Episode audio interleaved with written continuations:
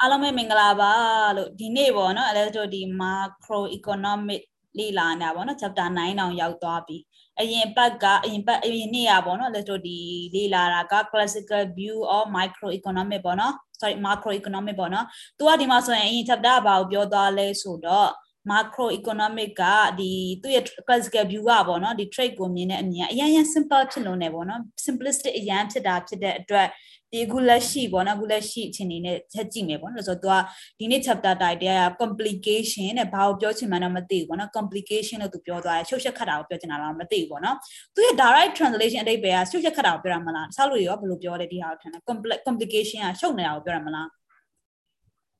complicate ကလား ကျွန်တော်ပြောပါ complicated ဆိုတဲ့စကားလုံးလေးခဏခဏကြာဟုတ်อืมอืมဟုတ်တယ်နော်ဘာမှတော့မသိဘူးခွေးတာခက်ခဲနေနေတာ อืมအေးပေါ့အဲ့ဒါလည်းပြောလို့ရမှာခက်ခဲတယ်ပေါ့နော်မရိုးရှင်းဘူးသိရမလားအရင် classical view ကကြတော့ဒီဒီ trade ကကြတော့အရန်ရိုးရှင်းတဲ့ view အနေနဲ့မြင်ခဲ့တာဆိုတော့လေဒီ complication ဘာတွေရှိနိုင်လဲဆိုတဲ့အကြောင်းပြောမှာဖြစ်ပါလိုက်မယ်အဲ့ဒါအမြင်ပေါ့နော်ဆက်ပြီးတော့လေ့လာကြည့်အောင်ဒီမှာဆိုရင်အရင်တော့ဆိုရင်သိရမလားအဲ့လိုအင်္ဂလန်တို့ဘာလို့မျိုးနိုင်ငံမှာဆိုရင်တို့ဒီမှာ class တွေရှိပါလားဟုတ်တယ်ဟုတ်တို့ဒီမှာဗာလဲ royalty တွေရှိမယ်ပြီးရင် commoner တွေရှိမယ်ဟုတ်တယ်ဟုတ်ဒီမှာဆိုရင်တော့ loyalty နဲ့ commoner အကြောင်းနည်းနည်းလေးပြောတယ်ပေါ့နော် ဒီမှာဆိုရင် sorry let's commoner နဲ့ commerce နဲ့မှားတာထင်တယ် commerce ကလည်းမဆို trade နဲ့ဆင်တူရုံမှစကလုံးထန်တယ်အဲ့လိုပုံကြည့်လိုက်တာလဲဆိုသူ့ loyalty ထင်သွားပြီးတော့သူ့ commoner လို့လည်းဆိုထင်သွားတာပေါ့နော်စာကိုသတိမထားမိလားချက်ကြည့်မယ်နော်သူဘာပြောချင်လဲဆိုတော့ commerce wish out naturally to be ပြီးနော်ဒါ trade နဲ့ commerce နဲ့ကအဲ့ဒါဆင်တူရုံမှစကလုံးပဲပေါ့နော်သူ့ရဲ့ပုံမှန် nature အရဆိုရင်တဲ့ with the amend nation as amend individual are a bond or union of friendship ပေါ့နော်သူပြောချင်တာ commerce တို့ဒီလိုမျိုး trade တို့ဆိုတာလဲပေါ့နော်ဒီ electro ဒူ individual လူအနေနဲ့ကြည့်မယ်ဆိုရင်ပေါ့နော်ကိုယ်တငယ်ချင်းနှစ်ယောက်ကတခုစုပေါင်းလုပ်တဲ့ပုံစံမျိုးဖြစ်ဖြစ်ပေါ့နော်ဒါမှမဟုတ်လဲ trade union တွေအရင်တော့အရင်1980 century ဆိုအရန်အရန်ပေါ်ပါတော့လားအဲ့ဒါမျိုးပိုပေါက်တယ်ပေါ့နော်အဓိကက bomb လို့ပြောတာဖြစ်တယ်တယောက်တယောက်လည်းမျိုး closely လုံးနေကြရတယ်လို့ရင်းရင်းနှီးနှီးလုံးနေတယ် friendship ပုံစံမျိုးလေးနည်းနည်းပိုပေါက်တယ်ပေါ့နော်ဒီမှာ commerce ဆိုတဲ့စကားလုံးသူပြောပြတယ်အခုနောက်ပိုင်းတော့ e-commerce တွေပါပေါ်လာတယ်ပေါ့နော်ဒီဟာကျတော့ဟိုအရင်တော့လုပ်တဲ့ trade တို့ commerce ဆိုပြောတာပေါ့နော်အဲ့အဲ့လိုမျိုးပေါ့နော် union and friendship အဲ့လိုမျိုး friendship ကနေပြီးတော့ဘယ်လိုတောင်ဖြစ်လာလဲဆိုတော့တဲ့ has began the most fatal source of discord and animosity ဒီ discord ကိုခဏကြာဘယ်လို define လုပ်မယ်ထင်လဲ discord နဲ့ animosity ခဏနော်အဲ့ discord ကိုတစ်ချက်ရှာကြည့်မယ်ဘာလို့ပြောချင်လဲဆိုတာလေးနော် ပုံမှန်တော့ discord ကိုတော့လည်းသိရသိရ discord ကဘာဒီဒီမှာသူပြောချင်တဲ့ Discord နဲ့တူမတူပေါ့နော်ဒီမှာ Discord ကိုသူဘယ်လို Discord ဘာဘယ်လို define လုပ်ထားလဲဆိုတော့ disagreement between people ပေါ့နော်လူနှစ်ယောက်ကြားမှာဖြစ်လာတဲ့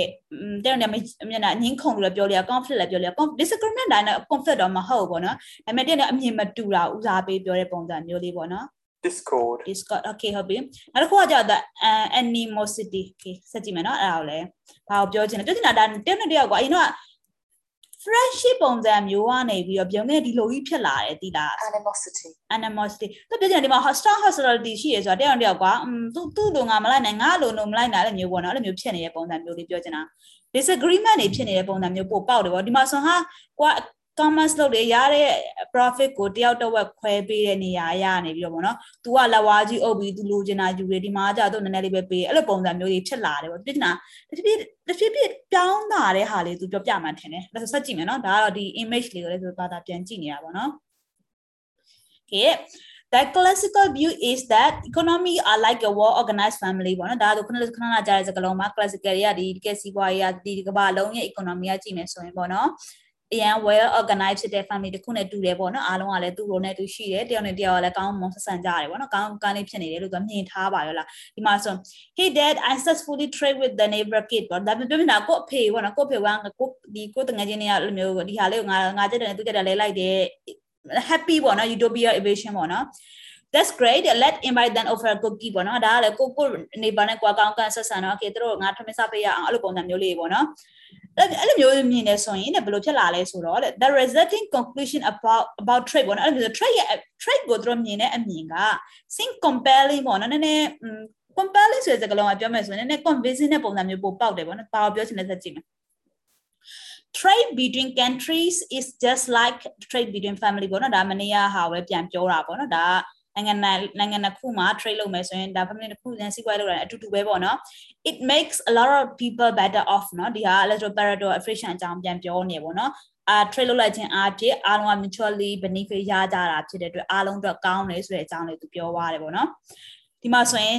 so compare လေးကြောင်ပြန်ဆက်မယ်ပေါ့နော်။ဘာပြောလဲဆိုတော့တဲ့ there is a bit of shock to encounter complication related to human right ပေါ့နော်။ဒီမှာဆိုရင်သူပြောချင်တာ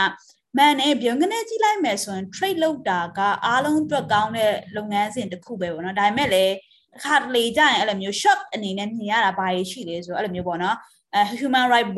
violation တွေဖြစ်လာတယ်ပေါ့နော်ချိုးဖောက်မှုတွေဖြစ်လာတယ်အဲ့ဒါမျိုးတွေပေါ့နော်လဝါကြီးအုပ်တာတွေအဲ့လိုမျိုးပေါ့နော် unfair competition တွေဖြစ်လာတယ်အဲ့ဒါမျိုးတွေကိုမြင်ရတာနည်းနည်းတော့ shock ဖြစ်စရာလေးတွေရှိတယ်ဆိုတဲ့အကြောင်းကိုသူပြောတယ်ပေါ့နော်ဒီမှာသူအဲ့ဒါပဲပါပေးလိုက်ချက်ကြည့်အောင်ဒါ human right ရဲ့ environmental ပေါ့နော် climate တွေပါရဆိုတော့ဒါဒါနဲ့ပတ်သက်တာဆိုင်တဲ့ဟာလေးဆိုတော့လေအဲ့ဒါလေးကနည်းနည်းလေး shock အနေနဲ့မြင်ရတယ်ဆိုတဲ့အကြောင်းလေးပြောတယ်ပေါ့နော်ဆက်ကြည့်မယ် Have you noticed that the neighbor forced their children to turn the oven 18 hour a day ပြောချင်တာဒီမှာဆိုရင်ကွာသူတို့တွေကဒီသူတို့မှန်တယ်ကွာဒီမှာဆိုရင်သူတို့အိမ်ကြီးနေနိုင်အိမ်ပဲထားပါတော့ဗောနော်ဒါမှမဟုတ်လဲတအိမ်ကချမ်းသာရဲ့တအိမ်ကတိတ်ပြီးတော့ပတ်စံမရှိဘူးဗောနော်သူကသူ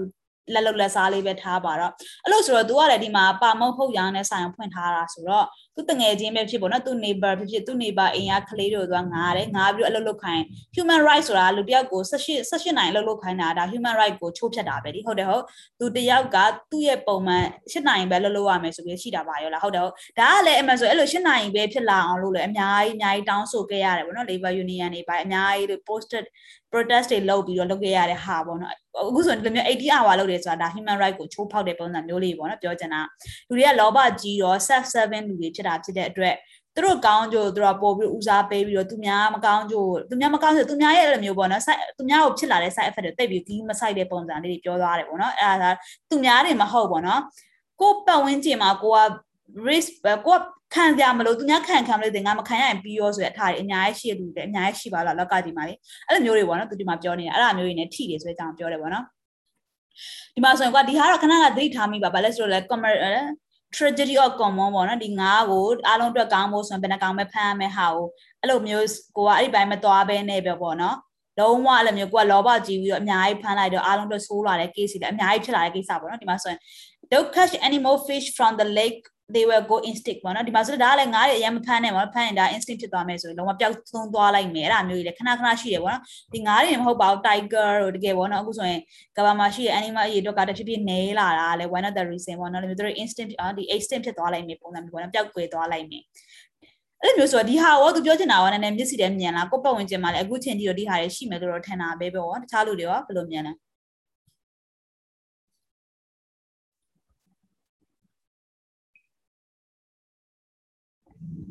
ညင်မရှိရလားဒါမှမဟုတ်လေ everything is agree လားဘယ်လိုလဲ listening လို့ပဲဟုတ်ကဲ့ပါအဓိက communication နဲ့ပတ်သက်လာတာသူကဒီ human right တွေ environmental တွေနဲ့ပတ်သက်တဲ့အပြင်ပေါ့နော်နောက်တစ်ခါဒီ national security ဒီ national security နဲ့ပတ်သက်လာရင် China နဲ့ US ကတော့ခဏခဏမြင်ရတယ်ပေါ့နော် Huawei case ကိုပဲကြည့်ပါလား China US က China ကို complaint တက်တယ် complaint တက်တာမဟုတ်ဘယ်လိုခေါ်မလဲ တိတ်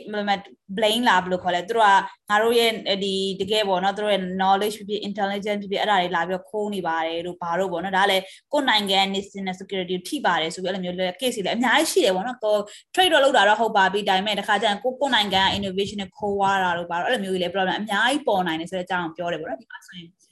my idea mr ဒီပုဂ္ဂိုလ်ပေါ့နော်ဒီက my dear my idea ဖြစ်ကို my dear ပေါ့နော်သူကဒီပုဂ္ဂိုလ်ပြောတာပေါ့အရင်တော့ဆိုရင်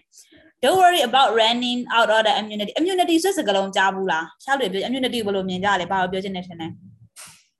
လေကြည်စံလေဟုတ်လို့မဟုတ် immunity ဆို immunity လည်းပြောမယ်နော် immunity ဆိုတာအမှန်ဆိုစစ်ရန်တရားစစ်ပစ္စည်းကိုပြောချင်တာတိလား immunity ခိုင်းလဲ spelling ကြည့်ပေးမယ် a m m u သူတခါကျရင်ငါမကူမြန်မာနိုင်ငံကို sorry အဲ့လိုမျိုးပေါ့နော် immunity immunity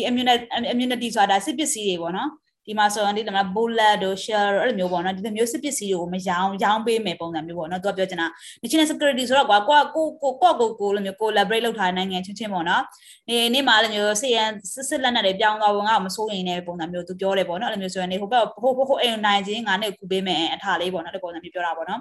we can always go next door and buy more from there ဒီ MC ကပေါ့နော်သူစီမှာအများဝယ်လို့ရတယ်ပေါ့နော်ဒါမှမဟုတ်လည်းပြောချင်တာကိုစတိုက်ချင်တယ်ကိုစီမှာအဲ့ဒါမျိုးရှိတယ်ဆိုရင်ကြမလို့ပေါ့နော်အဲ့လိုမျိုးအများကြီးရှိတယ်ပေါ့နော်ပြောချင်တာဒီစစ်နဲ့ပတ်သက်တဲ့ကိစ္စတွေလည်း implication တွေရှိလာမယ်ပြီးရင်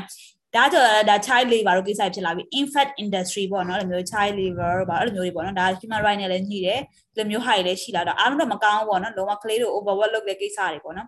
I just like to develop basketball ပြနေတာကကိုကိုဘယ်လောက်ပဲ ကိုကျွယ်နဲ့ကိုဘယ်လောက်ပဲနိုင်သည်လုံနိုင်သည်ဖြစ်ပလေးစေပေါ့နော်လူကြီးတွေအများတန်းသိရမလားကလေးတွေအရန်အရန်အဲ့လိုမျိုးပေါ့အဲ့လိုဆိုမြန်မာနိုင်ငံမှာဆိုရင်ကလေးတွေကျူရှင်တက်အကြောင်းတက်တွေတနာပါတယ်အဲ့လိုပုံစံမျိုးပြောချင်တာပေါ့နော် infant industry ပဲအများကြီးရှိတယ်ဆိုတဲ့အကြောင်းပြောတယ်ပေါ့ဒါကမကောင်းတဲ့ဟာတွေလည်းအများကြီးရှိမှာပဲလေနော် and of course there are short term complication related to business cycle ပေါ့နော်ဒါဒါသူက short term နေလည်းအများကြီးရှိရဆိုအကြောင်းပြောတယ်ပေါ့နော် short term ဆိုတာ business cycle မှာဆို business cycle လေးခုရှိတာဘယ်သူမှမသိသေးလဲတယောက်လား business cycle economic cycle လေးခုရှိတာတရားတော့ပြောကြည့်ပါအောင်လေးခုလားနှစ်ခုလားအဲ့လက်မှတ်ပြီးတော့ခင်ဗျားတို့ရေနော်ရိုက်ရမယ်ရိုက်ရမယ် okay business cycle တစ်ချက်ကြည့်မယ်နော်ပြန်ပြီးတော့ refresh လုပ်ပေးပါမယ်ပူပါနဲ့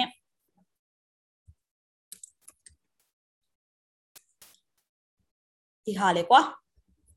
မမိလား ခဏလေးနော် Alex ပုံလေးပြောင်းနေပါတယ်ပုံတွေ့ပြီဆိုရင် Alex ကိုတွေ့ပြီဆိုတဲ့အကြောင်းလေးလမ်းပြောပြပါနော် Okay ပုံတွေ့ပြီလားမ business cycle ပြီးလေးခုပါမှန်တော့လေးခုတွေ့ပြီးရောတွေ့လားတောင်းပြပြောတယ်လေးခုပြောဒါကကြတာမျိုး wave ပုံစံမျိုးလေးဆိုတော့နည်းနည်းခက်တယ်မပုံမှန်ဆိုရင်တော့ပေါ့နော်ဒီမှာဆို attach ကြည့်တွေ့ပြီလားဆက်လို့ mental image ပါတွေ့ပြီလား တွေ့ပါပြီမှာဆိုရင်သူက expansion ရှိမယ် peak ရောက် peak ရောက်ဆိုတော့လုံးဝလုံးဝဒီထက်တက်လို့မရတော့သူဆက်ဆက်ကြအောင်ပဲရှိမယ်ပေါ့နော် expansion ရှိမယ် recession ရှိမယ်ပြီးမှ recession နဲ့ဆိုတာဘာရှိလဲ depression ရှိမယ်ဟုတ်တယ်ဟုတ်မမေ့တယ်အဲ့ဆိုပြောပါရလားဒီ recession နဲ့ depression ကဘာကွာလဲသူက quantity ကွာ quality ကွာလို့ပြောလို့ရပါဘောနော်အဲ recession ဆိုကွာနာစီချောင်းဆိုလောက်ပဲဖြစ်ပြီးတော့ depression ကွာသေကာနီးလူလူဒီပုံစံမျိုးဆိုပို့ဆိုးသွားတဲ့ scenario ပေါ့နော်ပြီးတော့မှမျိုး covid ဖြစ်တာ depression နဲ့ဝင်နိုင်ဖို့လားလားရှိမရှိအောင်သူတို့ပြောနေကြတဲ့ဟာမျိုးတွေလည်းအများကြီးရှိတယ်ပေါ့နော်ကဲကဲအဲ့လိုမျိုးကမ္ဘာရဲ့ဒီ history ပြန်ကြည့်မယ်ဆိုရင်လည်းဒီလိုမျိုး great depression တို့ပါတော့အများကြီးရှိခဲ့ဘူးလားဆိုတော့လေအဲ့လိုမျိုး cycle အများကြီးရှိတယ်ပေါ့နော်ပြီးတော့ဒီမှာ through ပြန်တက်လာဖို့လား recovery ကိုပြန်လာနေပြီအဲ့လိုမျိုးတွေရှိတယ်ပေါ့နော်သူ times တွေ recovery ဖြစ်လာပြီး economic ကကမ္ဘာ economy က grow ဖြစ်လာပြီး recovery ပဲကိုသွားနေပြီးဘယ်လိုပုံစံမျိုးလေးဖြစ်နေတယ် recession နဲ့ရောက်ပေါ်လာတာမရှိတော့ဘူးအမျိုးမျိုးအများကြီးရှိကြတယ်ပေါ့နော်ဒီလိုမျိုးခန့် cycle တစ်ခုနဲ့တစ်ခုကဘယ်လောက်ကြာလဲဆိုတာမတူကြဘူးပေါ့နော်တချို့ကြ very short cycle တချို့ကြ very long အခုဆိုရင်ဒါအခုချိန်ဒီဒီ expansion နဲ့မှာရှိနေတော့မယ်ပေါ့နော်အခုအခုလက်ရှိ covid ဖြစ်သွားတာမှပေါ့နော်တော်တော်များငါတို့ recession နဲ့ဝင်မလားမသိဘူးဆိုပြီးအတွေးအောင်ဝင်ခဲ့တယ်ပေါ့နော်ဒါပေမဲ့လည်း အတိတ်ပြီးတော့အဲ့လိုမျိုးမဖြစ်သွားဘူးပေါ့နော်တကယ် rich country တွေပြောပါတယ် let's do ဒီ emerging market ဖြစ်ဒါမှမဟုတ်လည်းဒီလိုမျိုး developing နိုင်ငံတွေ traditional reception နဲ့ဝင်ဖို့အလားအလာ chance ပိုများတယ်ပေါ့နော်ဒါမျိုးပြောနေတာပါ okay အဲ့လိုဆိုတော့သူကပြောချင်တာအဲ့လိုမျိုးပေါ့မူတီပေါ့နော်အဲ့လိုမျိုးဒီမှာဆိုရင် roller coaster စီးတဲ့ပုံစံမျိုးလေးတွေဟုတ်တယ်ဟုတ်သူကအတက်ရင်တစ်မျိုးအကြရင်တစ်မျိုးဆိုတော့သူက complication တွေမတူကြဘူးဆိုတဲ့အကြောင်းပြောတယ်ပေါ့နော်ဒီမှာဆိုရင်ဆက်ကြည့်မယ်နော်ဘယ်လို complication တွေရှိလဲဆိုတော့ we might benefit from trade into in the long run ပေါ့နော်ရေရှည်မှာဆိုရင်တော့ maybe we are everyone is better off but short term မှာဆိုဘာဖြစ်မလဲ but in the short term i'm going to throw up ဒီ roller coaster ဆေးကိုဒီမှာပေါ့နော်ဟာ excitement တွေရမ်းဖြစ်ပြီးတော့ကွာ throw up လုပ်တာလေအဲ့လိုမျိုး these implication oh, sorry complication cannot easily be dismissed ပေါ့နော် dismiss ဆိုတာပြစ်ထားလို့မရဘူးပေါ့နော်ဒီဟာလေးတွေကလည်းထည့်သွင်းစဉ်းစားတဲ့မင်းနဲ့နန်းနဲ့ trade ကိုလုပ်ရင်ပေါ့နော်ပုံမှန်အားလုံးအတွက်ကောင်းတယ်ရေရှည်အတွက်ကောင်းတာမှန်ပေမဲ့လည်း short term ကိုလူတွေက အချော့တန်းသမားတွေဟုတ်တယ်ဟုတ်ချော့တန်းသမားတွေဆိုတာတဲ့ကိုရီးယားအတူတူလေးနေမှာလေအဲ့လိုဆိုတော့ရေရှည်ကအဲ့လိုမျိုး century နဲ့ကြည့်မယ်ဆိုတော့တစ်မျိုးပေါ့နော်ကိုရီးယား century တစ်ခုလုံးနေမှာမမဟုတ်တာကိုရီးယား lifetime ကအများဆုံးရှိရင်တော့မှလည်း85အများဆုံး100က the most ပဲဖြစ်နေတာဆိုတော့ average ကြည့်မယ်ဆို around 60 to 70က average ဖြစ်နေတော့လေဒါတော့လုံးဝ rich country တွေပြောတာပေါ့နော်တချို့နိုင်ငံတွေမှာဆို30 40နဲ့သေးတွေအများကြီးရှိတာဆိုတော့အဲ့ဒါဆိုတော့ကွာကိုယ့်ဘက်က short term ကိုလည်းဒါမိထားလို့မရဘူးပေါ့နော် dismiss လုပ်လို့မရဘူးဆိုတဲ့အကြောင်းလေးပြောတယ်ပေါ့နော်အဲ့ဒါနောက်တစ်မြတ်တော့ကြည့်မယ်နော် အဲ့လိုဆိုတော့ဒီ classical perception ကိုကြည့်အောင် The classical perception promise that trade between country benefit both country ပေါ့နော်ဒီမှာဆို objection ပေါ့နော်ဒါဟာမယုံဘူးဘာဖြစ်တယ်ညာဖြစ်တယ်ပေါ့နော်ဒါဒါစစ်နေရှင်းနေလိုက်တယ်ပေါ့နော် and so in the long run trade is likely to lead to Pareto improvement ပေါ့နော် improvement ဖြစ်နိုင်တဲ့ရွေဖြစ်အောင်လုပ်မယ်ပေါ့နော်လုံးဝ improvement လုပ်လို့မရဘူးဆိုတော့မှ efficient ဖြစ်တာလေအခုက improvement လုပ်ဖို့အများကြီးရှိတယ်ဆိုတော့ I rest my case အဲ ကြည့်ပါဦးသူကမိုက်တယ်နော် short term သမားလေးတနာပါတယ်သူခင်ဗျာ I rest my case ဒါ legally နဲ့ပတ်သက်တဲ့လုပ်ပြီးလို့ဆိုရင်သိမယ်ပေါ့နော်ကွာသူကဝင်တာပဲကြည့်ပါလားသူကလုံးဝတရားသူနဲ့သူနဲ့လုံးဝသူတို့သူတငယ်ချင်းကိုတငယ်ချင်းကြာနာပြောချင်တာဒီ classical view နဲ့ဒီ judge နဲ့ကလည်းအရင်အရင်အရင်သဘောထားတူကြတယ်ပေါ့နော် is is good the in the long run မှာတော့အားလုံးအတွက်မှန်တယ်ပေါ့နော်ဒါပေမဲ့ short term ကိုလည်းမေ့ထားလို့မရဘူးလေ short term ကြည့်မယ်နော် so that we need to take a closer look at trade ပေါ့နော်ဒီ data လေးပြန်ကြည့်ရအောင်တဲ့တကယ်လို့ပေါ့နော် ကိုယ့်ရဲ့ trade လောက်တာကကိုယ့်ရဲ့ neighboring country ဖြစ်ဖြစ်ပေါ့နော်ဒါမှမဟုတ်ကိုယ့် own country ပေါ့နော်ဒီမှာ might had uh, our our country ပေါ့နော်ကိုယ်နိုင်ငံတခုမဟုတ်တခုမကောင်းတာများမရှိလာဘူးလားဘာလားညာဆက်ကြည့်မယ်ပေါ့နော်ဒီမှာဆက် example လေးလည်းပေးထားပါတယ်ဆက်ပြီးလေ့လာသွားမယ်နော်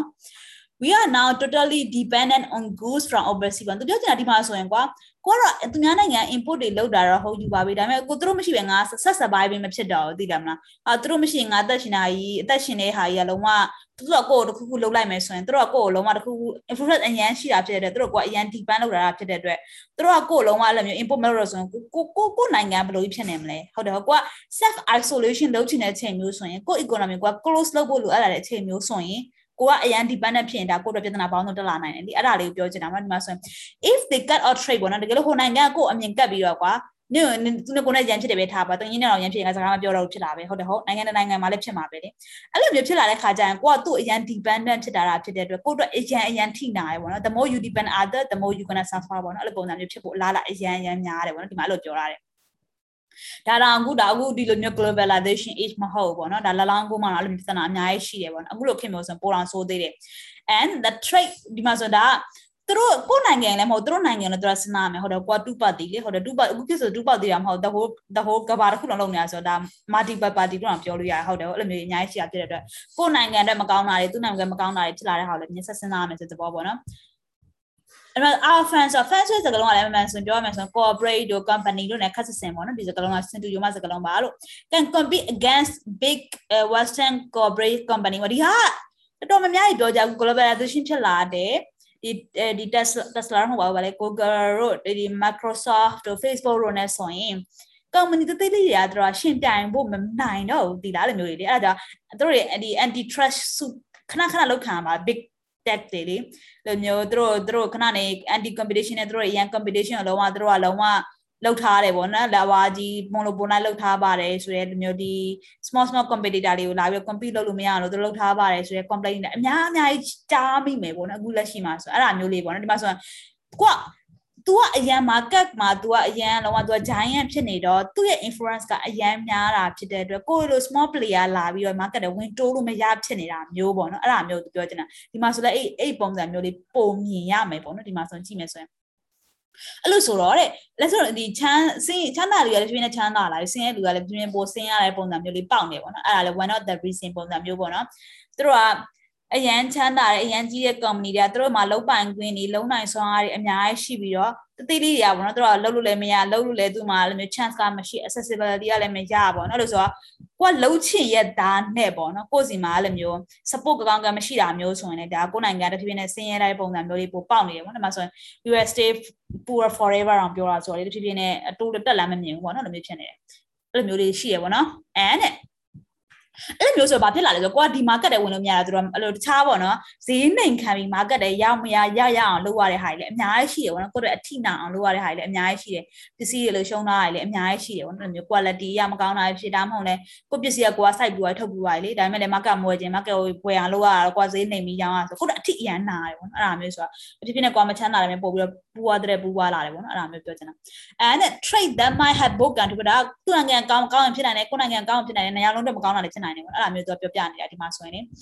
because of global warming trade could make everyone worse off ပေါ့နော်ဒီဟာ global warming ကြောင့်ပေါ့ဒီမှာဆိုရင်ဒီမှာဆို ship ship အကြောင်းပြောတယ်ပေါ့နော် shipping တွေအတွက် shipping တွေကြောင့် shipping တွေဆိုတာ Amazon global trade အတွက်သုံးတာတွေဟုတ်တယ်ဟုတ်ပစ္စည်းတစ်ခုတစ်ခုတနိုင်ငံနဲ့တနိုင်ငံသုံးဖို့ဆိုရင်ဒီပစ္စည်းတွေသုံးပစ္စည်းကိုရွှေ့ရတယ်ရွှေ့ရတော့တို့ဒီမျိုး cargo တွေဒီ ship တွေနဲ့ရွှေ့တာဖြစ်တဲ့အတွက် သူတို့တွေလည်း online တွေအများကြီးသုံးပါရောလားဟုတ်တယ်ဟုတ်ဒီဇယ်တွေတက်စီအကုန်လုံးပေါ့နော်ဒီ ship မှာသုံးတဲ့လည်းမျိုးလောင်စာစီတွေသုံးတာဖြစ်တဲ့အတွက် global warming ကိုပို့ပြီးတော့ဆုတ်တဲ့ဆုတ်လာတယ်ပေါ့နော်အဲ့ဒါအဲ့ဒါကြောင့်လေ तू ကဒီ global climate change နဲ့ global warming ကို solve ဆိုဟာလည်းအရင် implication နဲ့အရင်များတာဖြစ်တဲ့အတွက် complicate ဖြစ်တယ်ပေါ့နော်အရင်အဲ့လိုမျိုးအောင်ပြောလို့ရတယ်ပေါ့နော်လူတွေအမြင်မှာဟာတို့စီးပွားရေးချော့လိုက်လုပ်လို့လိုက်မရဘူးလားဆိုပေမဲ့လည်း it's it's not that simple ပေါ့နော်ပြောရမယ်ဆိုရင်သူ့မှာသူတို့သူတို့တွေလည်းအရင်အရင်ဘက်ပေါင်းဆောင်ကတွေးမှာပဲလीဟုတ်တယ်ဟုတ် အဲ့လိုမျိုးဆိုတော့တစ်ခုမတစ်ခုပေါ့နော်အရင်မရိုးရှင်းလို့လားအဲ့လိုမျိုးပြဿနာအခုထင်ဒီ better solution ရှာနေကြတယ်ပေါ့နော်အဲ့ပုံစံမျိုးလေးပြောလို့ရတယ်ပေါ့နော်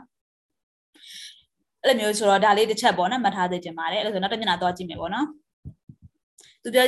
အဲ့လိုမျိုးပေါ့ကိုနိုင်ငံသူ့နိုင်ငံနဲ့နိုင်ငံလုံးတက်ကဘာလုံးတက်မကောင်းတဲ့ဟာတွေလည်းအများအများကြီးဖြစ်နိုင်တယ်ပေါ့နော်အဲ့လိုမျိုးလေးရှိတယ်ပေါ့နော်ကောင်းတာရှိပြီးမကောင်းတာလည်းရှိတယ်ဆိုတဲ့အကြောင်းလေးပြောတယ်ပေါ့နော်အဲ့အဲ့ဒါကြလို့ဒီနည်းနည်း ချဲ့ပြီးတော့ကြည့်တယ် view ပေါ့နော်လို့ဆိုလည်းနည်းအချင်းချုံပြီး microscope view နဲ့တော့ကြည့်အောင်ကိုရင်နဲ့ပတ်ဝန်းကျင်မှာပေါ့နော်ထင်သာမြင်သာရှိတဲ့ example လေးကြည့်အောင် let take a closer look ပေါ့နော်တေချာလေးအသေးသေးကြည့်အောင်ဒီမှာဆို one important example ပေါ့နော်ဒီမှာဆို sweatshop labor ပေါ့နော် sweatshop ဆိုတဲ့စကားလုံးမှာ sweatshop ဒီထားပါတော့လည်းမြန်မာမှုပြုမယ်ဆိုတာအင်ဂျီအင်ဂျီထုတ်တဲ့အင်ဂျီအချီဆိုင်တစ်ခုပေါ့နော်မြန်မာမှာဆိုရင်မြန်မာမှာဆိုရင်အဲ့လိုမျိုးဈေးတွေထဲမှာဆိုရင်အဲ့လိုမျိုးအချုပ်ဆိုင်ပေါ့နော်မြန်မာမှုပြုအောင် okay အချုပ်ဆိုင်လေးဒီဇိုင်းပေါ့နော်အချုပ်ဆိုင်လေးဒီဇိုင်းအဲ့လိုဆိုကြည့်မယ်ပေါ့နော်သူကဆိုရင်အချုပ်တော့ဒီအချုပ်သမားမြန်မာလိုဘယ်လိုခေါ်လဲဘယ်လိုခေါ်လဲသိပါရဲ့လက်သွားရင်ကိုအင်ဂျီတွေတော့အဲ့ဒါဘယ်လိုခေါ်လဲအချုပ်သမားခေါ်တာဘယ်လိုခေါ်နောက်တစ်စကားလုံးဘယ်လိုခေါ်သေးလဲဆက်ချုပ်သမားဆက်ချုပ်သမားအမ် အဲ့ဒါဆိုတော့ဒီမှာသူကဆက်ချုပ်သမားသူဗာပြောလဲဆိုတော့တဲ့သူဆိုရင်ပေါ့နော်တရက်မှာ16နိုင်လောက်သူကဒီဒီ t-shirt တွေကိုသူကချုပ်နေရတယ်ပေါ့နော်ဟုတ်တယ်ဟုတ်ချုပ်နေရတယ်ဒါပေမဲ့လည်းပေါ့နော်သူ့ရဲ့ဒီမှာသူ့ရဲ့ဒီတနိုင်နှုံးကသူကဘလောက်ပဲရတယ်ဆို0.3 per အဲမြန်မာမှုပြုမယ်ဆို0.3ဒေါ်လာဆိုထားပါမြန်မာမှာဆိုရင်1000ပဲရတယ်ထားလိုက်ပြီတော့ဟုတ်တယ်ဟုတ်သူက18နိုင်ရအလုပ်လုပ်ရတယ်အကြိုက်လေးလောက်ရတယ်သူတနိုင်တနိုင်ရတာလေတစ်ထောင်လေးဆိုတော့သူတက်ကြည့်မယ်ဆိုရင်ဒါတော်တော်လေးပေါ့နော်ဒါ သူကလည်းဒါပြောမယ်ဆို minimal labor ပဲကိုရောက်နေတယ် minimal labor ဘယ်လိုကောင်းလဲ minimal income ကိုပြောချင်တာပေါ့နော်ဒါညီမတချို့ချို့နိုင်ငံတွေမှာဆို minimal income မရှိဘူးဆိုရင်ဒီခါလေးဆိုအရန်ထိတယ်ပေါ့နော်သူတို့အနေနဲ့ဆိုရင်ဒီမျိုးအကြိုက်လေးလုပ်လို့ရတယ်ထမင်းစားဖို့အတွက်လေးပေါ့နော်အကြိုက်လေးမျိုး physical labor တွေလုပ်ရတယ်ဆိုတာမျိုးတွေပြောလာတယ်ပေါ့နော်ဒီမှာဆိုအဲ့လိုမျိုးတွေချက်ကြည့်မယ်ဒီလိုမျိုးသူပြောလာတယ်ပေါ့နော်အဲ့လိုဆိုတော့ဒီဆက်ချုပ်သမားပေါ့နော်သူကဒီမှာဆိုရင်သူသူ့အနေနဲ့ကြည့်မယ်ဆိုရင်သူက can of course provide benefit for manufacturer and their customer ဘာသူအနေနဲ့ကြည့်မှဆိုမှန်တယ် သူ16နိုင်လုံးချင်းအားဖြစ်ပေါ့နော်သူအခု electro ဆိုရင်တော်များ waiting address တွေလာအားကြမယ်ပုံမှန်ကိုကအဲ့လိုမျိုး graduation နဲ့ပတ်သက်တဲ့ဘယ်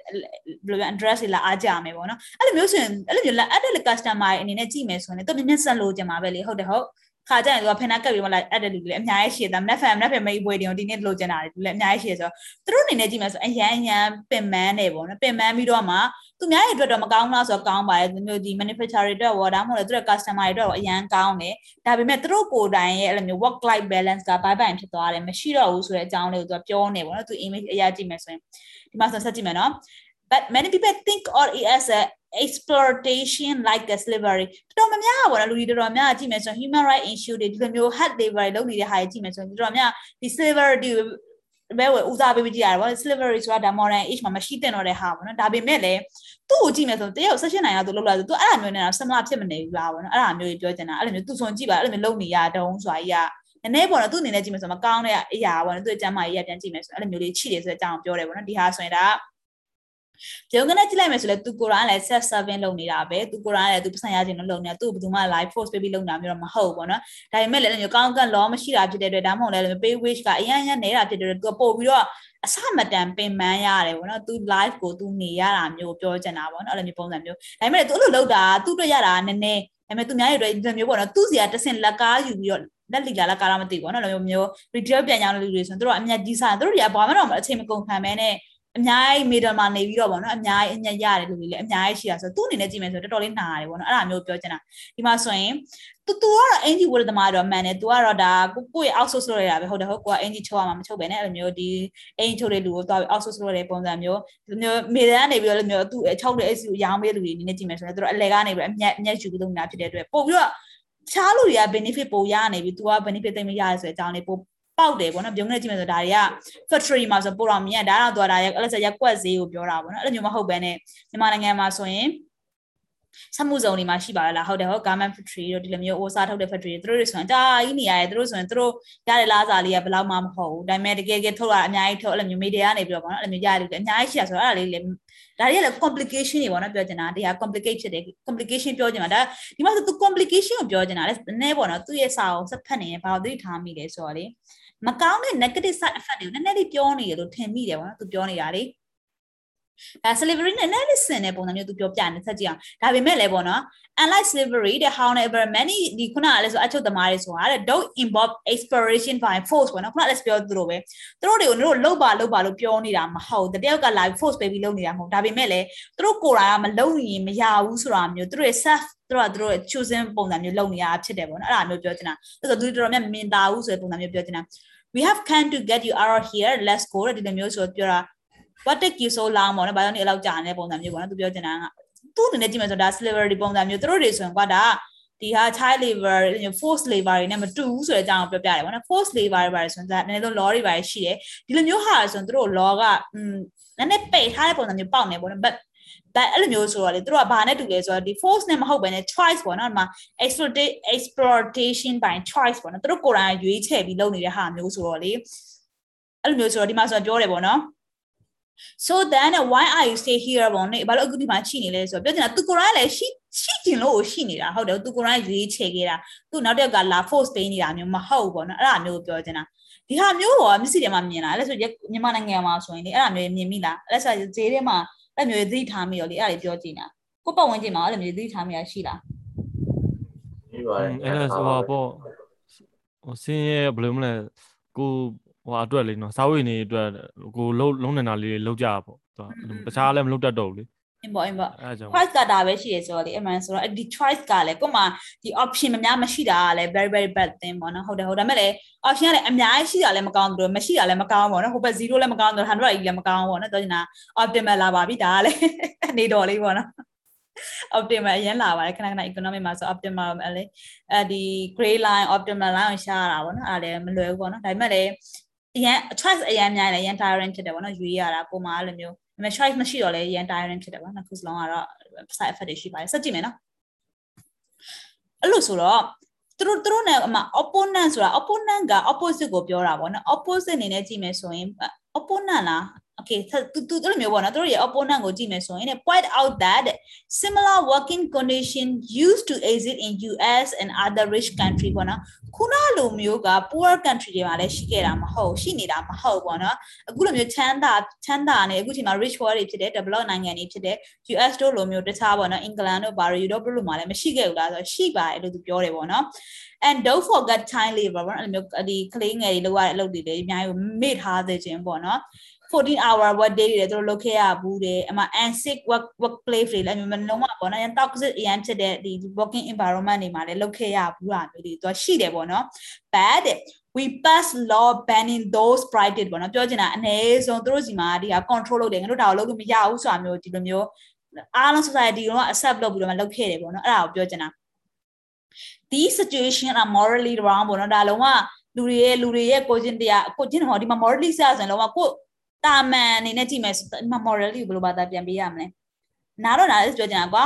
မဖြစ်သင့်တဲ့အရာပေါ့နော် it doesn't make sense shouldn't be ပေါ့အဲ့လိုပုံစံမျိုးပြောတဲ့ပုံစံမျိုးပေါ့နော်ဒီမှာဆိုလုံးဝအရန်မားတဲ့အရာတစ်ခုဆိုတော့လေသူတို့ဒီမှာလည်းမရှိခဲ့ဘူးလားဆိုတော့ရှိခဲ့ဒါပေမဲ့လည်းသူတို့တွေကဒီဟာကို ban ထားတဲ့ပုံစံမျိုးအခုဆို ban တာတဖြည်းဖြည်းနဲ့သူတို့ရဲ့ consequence တွေနားလေလာတော့တဖြည်းဖြည်းနဲ့အဲ့ဒါမျိုးသူလုပ်လို့မရတော့ဘူးဖြစ်သွားတဲ့ပုံစံမျိုးသူလုပ်လိုက်တဲ့ပုံစံမျိုးပေါ့နော်အဲ့လိုဆိုတော့တဲ့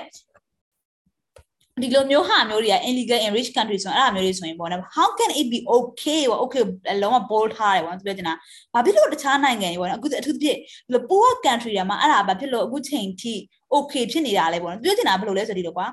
သူတို့နိုင်ငံမှာတော့သူတို့က ban ထားတယ်အဲ့လိုလုပ်လို့မရဘူးဒါပေမဲ့လည်းပဲပေါ့နော်အဲ့လိုမျိုးမြန်မာတို့လိုမျိုးဘင်္ဂလားဒေ့ရှ်လိုမျိုးအဲ့လိုမျိုးသူတို့ကိုယ်တိုင်အဲ့လိုမျိုးသူတို့ outsource လုပ်ပြီးသူများနိုင်ငံမှာအဲ့လိုလုပ်တာကိုသူတို့ကဝယ်တာဝယ်တာကြတော့ is it ethically make sense မနေ့ပြောအဲ့ဆိုကြတဲ့ဘောပေါက်လားသူတို့ကိုယ်တိုင်ကသူတို့နိုင်ငံမှာမလုပ်ဘူးเนาะသူတို့နိုင်ငံမှာဒါဟာဗဒါမလုပ်သင့်ဘူးမားတယ်ဘာဖြစ်တယ်ညာဖြစ်တယ်ပြောထားပြီးတော့မှ at the same time ပဲပေါ့နော် poor country တွေကအဲ့လိုမျိုးလုပ်ပြီးတော့မှထွက်လာတဲ့ကုန်ပစ္စည်းကိုသူတို့ဝယ်သုံးတယ်ဆိုတော့ကဟိုလိုဒီလိုဖြစ်နေတာတလိုက်ဘယ်လိုပြောမလဲ um i don't know how to say အဲ့လိုမျိုးဖြစ်နေမထင်ဘူးလား see how can morally brown here က immorally right over there ဟုတ်တယ် အဲ့ဒါမျိုးပြောနေတာပေါ့တစ်ခါတည်းတွေးမိရပြောနေတာကွာ outsource လုပ်လိုက်တယ်အခုသူပြပေါ့နော်ဒီဒီ shoe တွေတို့ Nike တို့ Nike ကိုခေါ်လာ Nike ဘယ်လိုခေါ်လဲတော့မသိဘူးတယောက်တစ်မျိုးစီထွက်ကြတာ Nike ပဲထားပါတော့ Nike တို့လိုမျိုး Adidas လိုမျိုးကတော်တော်များများက Zara လိုမျိုးပေါ့နော်အဲ့လိုမျိုးအဲ့လိုမျိုး local ကလုံးဝ brand အကောင့်တဲ့ company တွေသူတို့ရဲ့ originate ကဒီ Europe တို့လိုမျိုး British country originate ဖြစ်တယ်ဆိုပေမဲ့လည်း တကယ် long labor hour တွေသူတို့လိုမျိုး human right abuse တွေ labor right abuse တွေအများကြီးအဲ့လိုမျိုးဘင်္ဂလားဒေ့ရှ်လိုနိုင်ငံမျိုးမှာဖြစ်နေတာခဏခဏသတင်းကြားရတယ်ပေါ့နော် news တွေမှာတက်တက်လာတယ်အဲ့ဒါမျိုးอ่ะဗောဖြစ်နေတာသူတို့ကသူတို့နိုင်ငံမှာမရတယ်တခြားနိုင်ငံမှာမရတယ်လို့ဖြစ်တကဘာလုံးမှာ same ideology ရှိတဲ့တယ်မဟုတ်ဘူးလားဆိုတာမျိုးပြောချင်တာမပြောချင်တာ complication အဲ့လိုမျိုးတခုကဟိုလိုဒီလိုဖြစ်နေတာပြောနေတာပြောတာဖြစ်ပါလိမ့်မယ်ဒီမှာဆိုရင်ဒီမှာ activist တွေပေါ်လာပြီပေါ့ activist ဆိုစကားလုံးလည်းခဏခဏကြားမယ်ပေါ့နော်အဲ့လိုမျိုးဒီလိုမျိုးတွေကို तू က မလုံးစေကျွန်တော်တို့ကအာတုံခွန်ဆိုင်နေပေါ့နော်ဒီဟာဒီလိုမလုံးတင်ဟိုကမလုံးတင်ဘာကြောင့် consequence တွေကဘာရှိရဘလို့ရှိရဘလို့တွေဘာမကောင်းပေါ့နော်အဲ့လိုမျိုးလုပ်နေလူပေါ့နော်ဒီမှာဆိုရင် anti sweatshop activists argue that we need to protect the health and safety of all worker ပေါ့နော်ဒီကဘာလုံးမှာရှိရဲ့ဒီအလုပ်သမားတွေရဲ့ safety တွေရောဒါမှမဟုတ်သူတို့ရဲ့ကျန်းမာရေးရောအားလုံးကိုသူတို့က protect လုပ်ရမယ်ပေါ့နော်ဒီကိုနိုင်ငံကလူတွေပဲမဟုတ်သိတယ်မလားတကဘာလုံးမျိုးပုံစံမျိုးပြောချင်တာပေါ့နော် if we don't look out for our her right ပေါ့နော် who will သူသူတို့မကြည့်ဘူးသူကြည့်မလဲပုံစံမျိုးပေါ့နော် suddenly not the corrupt corrupt dictator and who ran her country ပေါ့နော်သူနိုင်ငံမကောင်းလုပ်တဲ့လူတွေပါတယ်တော့မကြည့်တော့ဘူးပြောချင်တာဒါ rich country နဲ့ဆိုရင်တို့မှလည်းကြည့်တင်တဲ့အလားအများကြီးရှိရဆိုတဲ့အကြောင်းတော့ပြောပြတယ်ပေါ့နော်ဒါကလည်းစာနာထောက်ထားမှုတွေရောဟိုဟာဒီဟာ donation လုပ်တာတွေကအဲ့မဲ့ဆိုဒီလိုဟာတွေကပေါ်လာတာပေါ့အဲ့မဲ့ဆိုတန်းပြောမယ်ဆိုရင် they want that the alternative is slippery slippery slope ဆိုတာခဏခဏလည်းစတာဘူးဒီ slippery sorry slippery slope ဆိုတဲ့စကားလုံးကလေဒီ economy မှာသုံးတာရှိတယ်ပေါ့သူဘာ business ပြန်ပြီးမှတ်မိတော့တစ်ခေါက်နှစ်ခေါက်စီဒီခါသုံးခေါက်လောက်စီကြားဘူးဒီ slippery slope တွေအများကြီးရှိတယ်ဆိုပြောတာပေါ့နော်ဘာပြောကြည့်အောင်တကယ်လို့ဒါခုနကလိုမျိုးပေါ့နော် if sweatshop are okay တဲ့ how about child labor ပေါ့နော်ဒီလိုမျိုးဒီလိုမျိုးဟာကို16နိုင်အလုပ်လုပ်ရတယ်သူတို့ဆိုရင်သူတို့ choice နဲ့သူတို့လုပ်တယ်ဆိုပေမဲ့အဲ့ဒါ okay ပဲထားပါအဲ့ဒါဆိုရင်ဒီလိုမျိုး clean ငယ်တွေကိုလောက်ခိုင်းတာကြားတော့ဗောအဲ or selling your organ အဲ့ဒါမျိုးတွေကြားတော့ဗောအဲ့ဒါမျိုးတွေကြားတော့ဗောဆိုပြီးပုံစံမျိုးပေါ့နော်အဲ့ဒါမျိုးတွေဗောတော့ question ထုတ်နေဗောနော် thanks for sharing my me your kidney တဲ့ no problem i uh, i only need one ပေါ့နော်ဒါကနီတစ်ခုတည်းရှိရတယ်ဆိုပုံစံမျိုးပြောတဲ့ပုံစံမျိုးဆိုတော့ဒီမှာ or hiring foreigner to work for penny in our country ပေါ့နော်ဒီမှာဆိုပြောချင်တာကွာ foreigner ငါပြီးတော့လုံးဝနည်းနည်းလေးပဲပေးတာပေါ့အဲ့လိုပုံစံမျိုးတွေကကြားတော့ဗောဆိုပုံစံမျိုးပေါ့နော်ဒီဟာကိုသူ slippery slope လို့ခေါ်နေတာတော့မသိဘူးဆက်ကြည့်အောင်နော် that could ultimately threaten working standard everywhere ပေါ့နော်ဒီမှာဆိုသူပြောချင်တာကိုယ်နိုင်ငံမှာဘန်းတွေအများကြီးထားရဆိုပေမဲ့လည်းတခြားနိုင်ငံမှာလို့ဖြစ်နေလဲဒါ everywhere ဖြစ်နေတဲ့ပုံစံမျိုးပြောနေပေါ့နော်ခဏလေးအဲ့ slippery slope ကိုလည်း sport detail သိချင်တယ်သုံးငါးခါကြားဘူးလေဆိုတော့လေပြန်ပြီးတော့ refresh လုပ်ချင်တယ် slippery slope ကဘာကိုပြောချင်လဲပေါ့နော် economy မှာ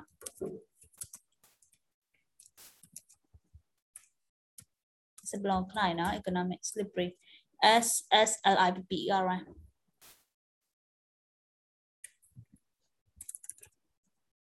S L I P P oh sorry S L I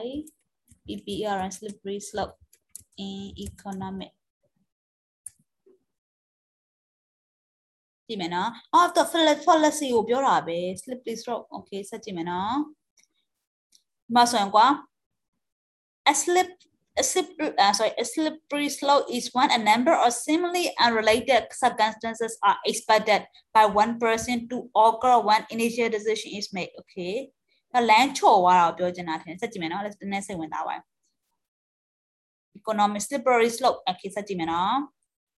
ဒီဟာလေးကဒီဟာလေးကပြောချင်တာဒါ model model model model logic နဲ့လည်းပတ်သက်တာပို့ဆိုင်မယ်ထင်တယ် fallacy နဲ့ပတ်သက်တာသူပြောတာဆိုတော့လေနည်းနည်းလေးနော် interest ကိုကောင်းလို့ပါဆက်ကြည့်မယ်နော်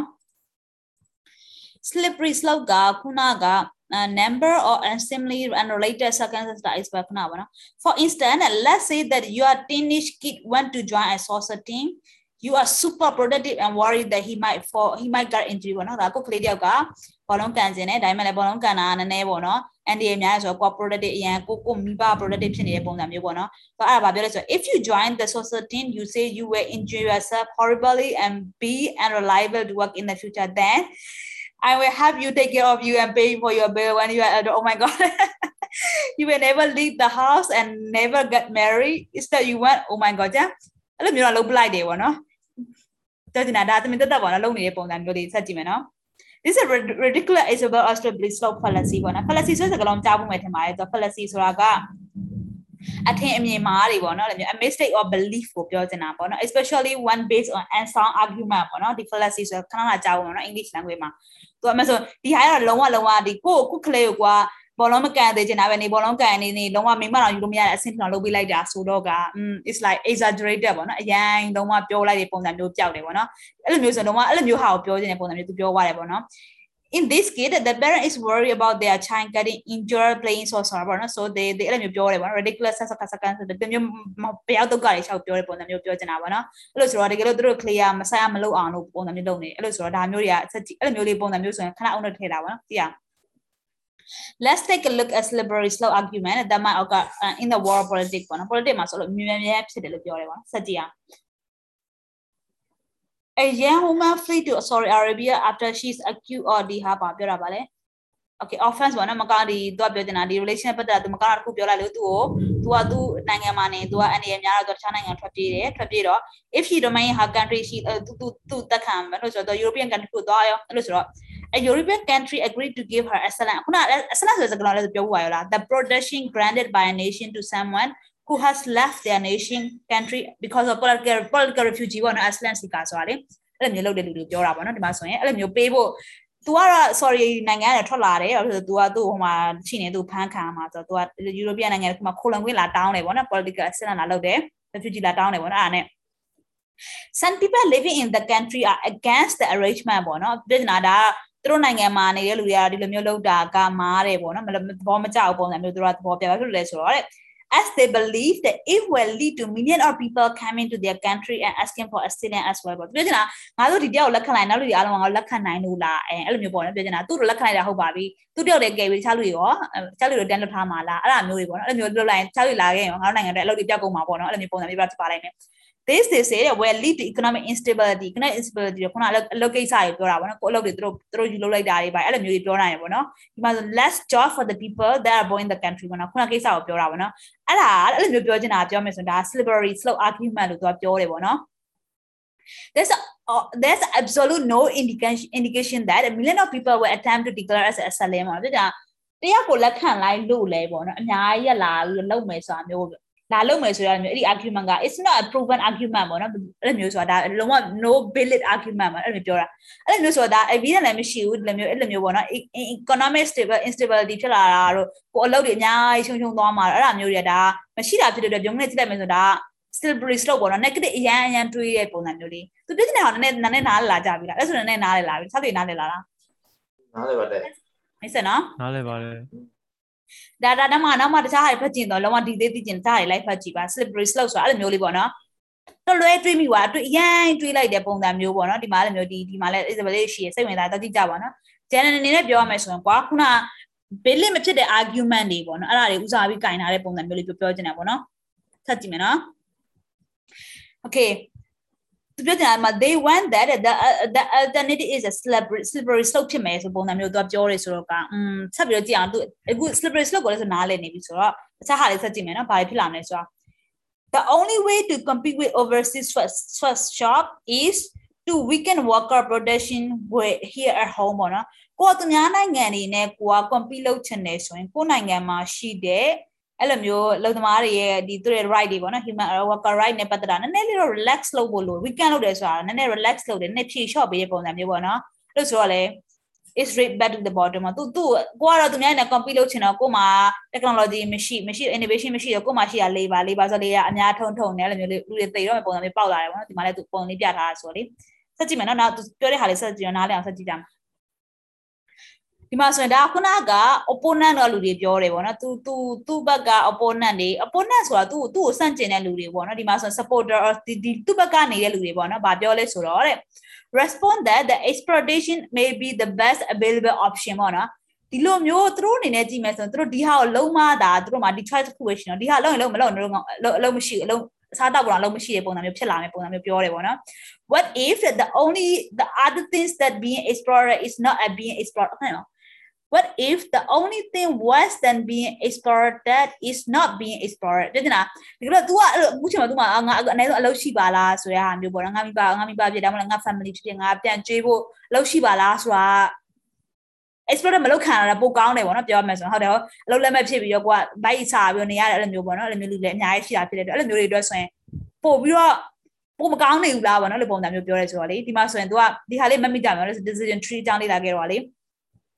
In microeconomics, we learn that optimizing individual look at their option and choose the best or the best one ပေါ့နော်သူတို့အနေနဲ့ကြည့်မယ်ဆိုရင်သူတို့တွေကလည်း choice ရှိတဲ့အထဲမှာဒီ choice ကတော့တကူလက်ရှိမှာအကောင်းဆုံး choice ဖြစ်နေလို့သူတို့ရွေးခဲ့တာပေါ့နော်သူတို့ရဲ့ဒါသူတို့ရဲ့ the best option လို့လို့သူတို့ရွေးခဲ့တာဖြစ်တဲ့အတွက်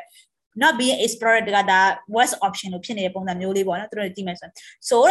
if working in the sweat shop is the option someone choose then the other option must have been even worse ပေါ့နော် သူကဒီအလုပ်ကိုလုံးနေရတယ်ဆိုတာကပေါ့နော်ဒီထက်ကောင်းတဲ့အလုပ်သူ့မှာမရှိလို့ပေါ့နော်အဲ့လိုမျိုးပြောချင်တာကွာပြောမယ်ဆိုဒီဟာကနည်းနည်း make sense ဖြစ်လား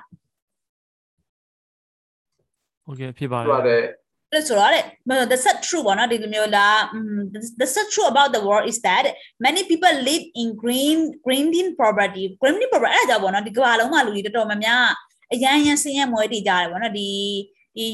United Nation ကထုတ်ခဲ့တဲ့သူတို့ဒီမှာ SDG ပေါ့နော်အဲ့လိုမျိုး sustainable development goal မှာဆို one of the goal ကကြတော့အဲ့လိုမျိုး no property ပေါ့နော် property မရှိအောင်တိုက်ဖြတ်ကြမယ်ဆိုတာမျိုးပေါ့နှစ်30အတွင်းမှာအဲ့လိုမျိုးလောက်လာတာရှိတယ်ဆိုတော့အခုချိန်ထိလည်းပေါ့နော်ဒီလိုမျိုး green property အရန်စင်းရမွဲတည်လူအများကြီးရှိတယ်ပေါ့နော်ဒီမှာဆိုကြည့်ပါလား backend မှာ I hate backend for food ပေါ့နော်ကိုယ်ကတောင်းစားလူတွေရှိမယ် I hate coal mining coal mining လုပ်နေလူကသူတို့ကျမ်းမာတွေလုံးဝလုံးဝမကောင်းဘူးနော်ဒါပေမဲ့သူတို့အဲ့ဒါမလုပ်သူတို့အတွက် just choice မရှိဘူးဆိုအဲ့ဒါလုံးနေရလူတွေရှိမယ်ဒီမှာဆိုရင်ကွာတချို့ဆိုရင် I hate digging through the trash ပေါ့နော်ကိုကိုကိုဘိုင်ရန်စားရလို့မျိုးသူများပြတဲ့ညပုံရနေလို့မျိုးလိုက်ရှာရရှိမယ်အရန်အရန်ဝမ်းနေစရာကောင်းတဲ့နေရာလူတွေအများကြီးရှိတယ်ပေါ့နော် I hate ဒီမှာဆို substance farming ပေါ့ဒီလိုမျိုးလုပ်လို့မလုပ်ချင်တဲ့လူတွေအများကြီးရှိမှာပေါ့နော်ဒါပေမဲ့သူတို့ဒီမှာ choice မရှိလို့သာသူအဲ့လိုလုပ်နေရတာပေါ့နော်အဲ့လိုမျိုးနဲ့ nation လိုက်မယ်ဆိုရင်တဲ့ and in comparison with social jobs can be terrific ပေါ့နော်တို့တွေနဲ့ဆိုမှဒီဟာကြီးက တော်လေးဆိုးတာဖြစ်တဲ့အတွက်ဒီဟာကလည်းတို့အနည်းဆုံး it might be better ပေါ့နော် a bit a bit ပေါ့နော် variable ပုံစံဖြစ်သွားတာပေါ့နော်30 cent an hour awesome this the job of being dream of ပေါ့နော်သူအနေနဲ့ကြည့်မယ်ဆိုရင်မှန်တယ်ပေါ့နော်သူကအဲ့လိုမျိုးလေးပေါ့လူတွေမှာ chance မရှိတော့ပေါ့နော်အဲ့ဒါကြောင့်ပြောတာဒီကလို့ကိုကကို property အောက်က property လုပ်ချင်တယ်ဆိုရင်လည်းတော့ education ပေါ့နော်ကိုယ်စီမှာ knowledge များများရှိအောင်လုပ် skill များများရှိအောင်လုပ်အဲ့လိုလုပ်ချင်အားဖြစ်ကိုကပေါ့နော်တစ်ဖြည်းဖြည်းတခြား ကိုအတွက်လုံးကိုကိုအတွက်လုံးနိုင်တဲ့ job တွေပိုများလာလေဒီကိုမှာ choice များလာလေကို life က better off ဖြစ်လာမယ်ပေါ့နော်အဲ့ဒီက education is the main key ပေါ့နော်အဲ့ဒါလည်းမေးကိုလုံးလုံးတက်တဲ့အရာတွေများအောင်လုပ်ရမယ်အဲ့လိုမျိုး skill set တွေများရအောင်လုပ်နေရမယ်ပေါ့နော်အဲ့ဒါ very very important ပေါ့နော်ဒီမှာဆိုလည်းသိထားမိပါပါဒီမှာဆိုရင်ဒီမှာတခြား option တွေမရှိတာဖြစ်တဲ့အတွက်ဒီဟာမျိုးလေးအများအများရှိတယ်ပေါ့နော်ဒီဟာလေးတွေက coordinated တူဝါမှာလည်းမြင်နေရတာအများကြီးပဲပေါ့နော် that's why some stand anti property activist defend the sweat shop ပေါ့နော်တို့တွေကိုပြောချင်တာတို့တွေနေတို့တွေသွားပြီးလို့လို့များအနည်းဆုံးပေါ့နော်ဒါတို့အလုပ်မရှိတဲ့အတွက်အလုပ်ရှာပေးတဲ့ပုံစံမျိုးပေါ့နော် poor country need more sweatshop than not food food ပေါ့နော်တို့အဲ့လိုမျိုးလုပ်တယ်ဆိုပေမဲ့အနည်းဆုံးတို့နိုင်ငံအတွက်တို့လည်းမျိုးပေါ့နော် income ရနေတာပဲပုံစံမျိုးတွေဖြစ်လာတယ်ပေါ့နော်အဲ့လိုပုံစံမျိုးလေးတို့ပြောချင်တာကွာဒီ ဒီအဲ့မျိုးအဲ့လိုမျိုးဒီမှာဆိုတာ labor အရန် labor အရန် intensive ဖြစ်တဲ့ industry ကိုပြောနေတာပေါ့နော်ဒီ software ဆိုတာလည်း section 9လောက်ရတယ် manufacturing sector မှာလုပ်တဲ့လူတွေဆိုရင်အကြာကြီးလုပ်ရပါလားအဲ့လိုလုပ်တဲ့လူတွေကို तू ကသူတို့သူတို့ရဲ့ပေါ့နော်သူတို့ရဲ့အဲ့လိုမျိုးလုံနေရတဲ့ site မှာအရန်ပင်မန်းနဲ့ဆိုပြီးတော့ပေါ့နော်အဲ့ဒါမျိုးမလုံသင့်ဘူးဆိုတော့ opposite opposite လူတွေပေါ့နော်လုံးဝ support ပေးဘူးဒါပေမဲ့ opposite ပေးလူတွေကသူတို့အဲ့လိုမျိုး consequence တွေကြည့်ပြီးတော့ပြောတယ်ပေါ့နော်သူတို့ argument ကိုတည်တယ် ဒါပေမဲ့တကယ်ပေါ့ supporter တွေကဒီဟာကိုလုံးဝလုံးဝတာလဲအဲ့လိုနိုင်ငံမရှိဘာမှမရှိတဲ့နိုင်ငံအတွက်ပိုပြီးကောင်းတဲ့ကောင်းလာမှာဖြစ်တဲ့အတွက်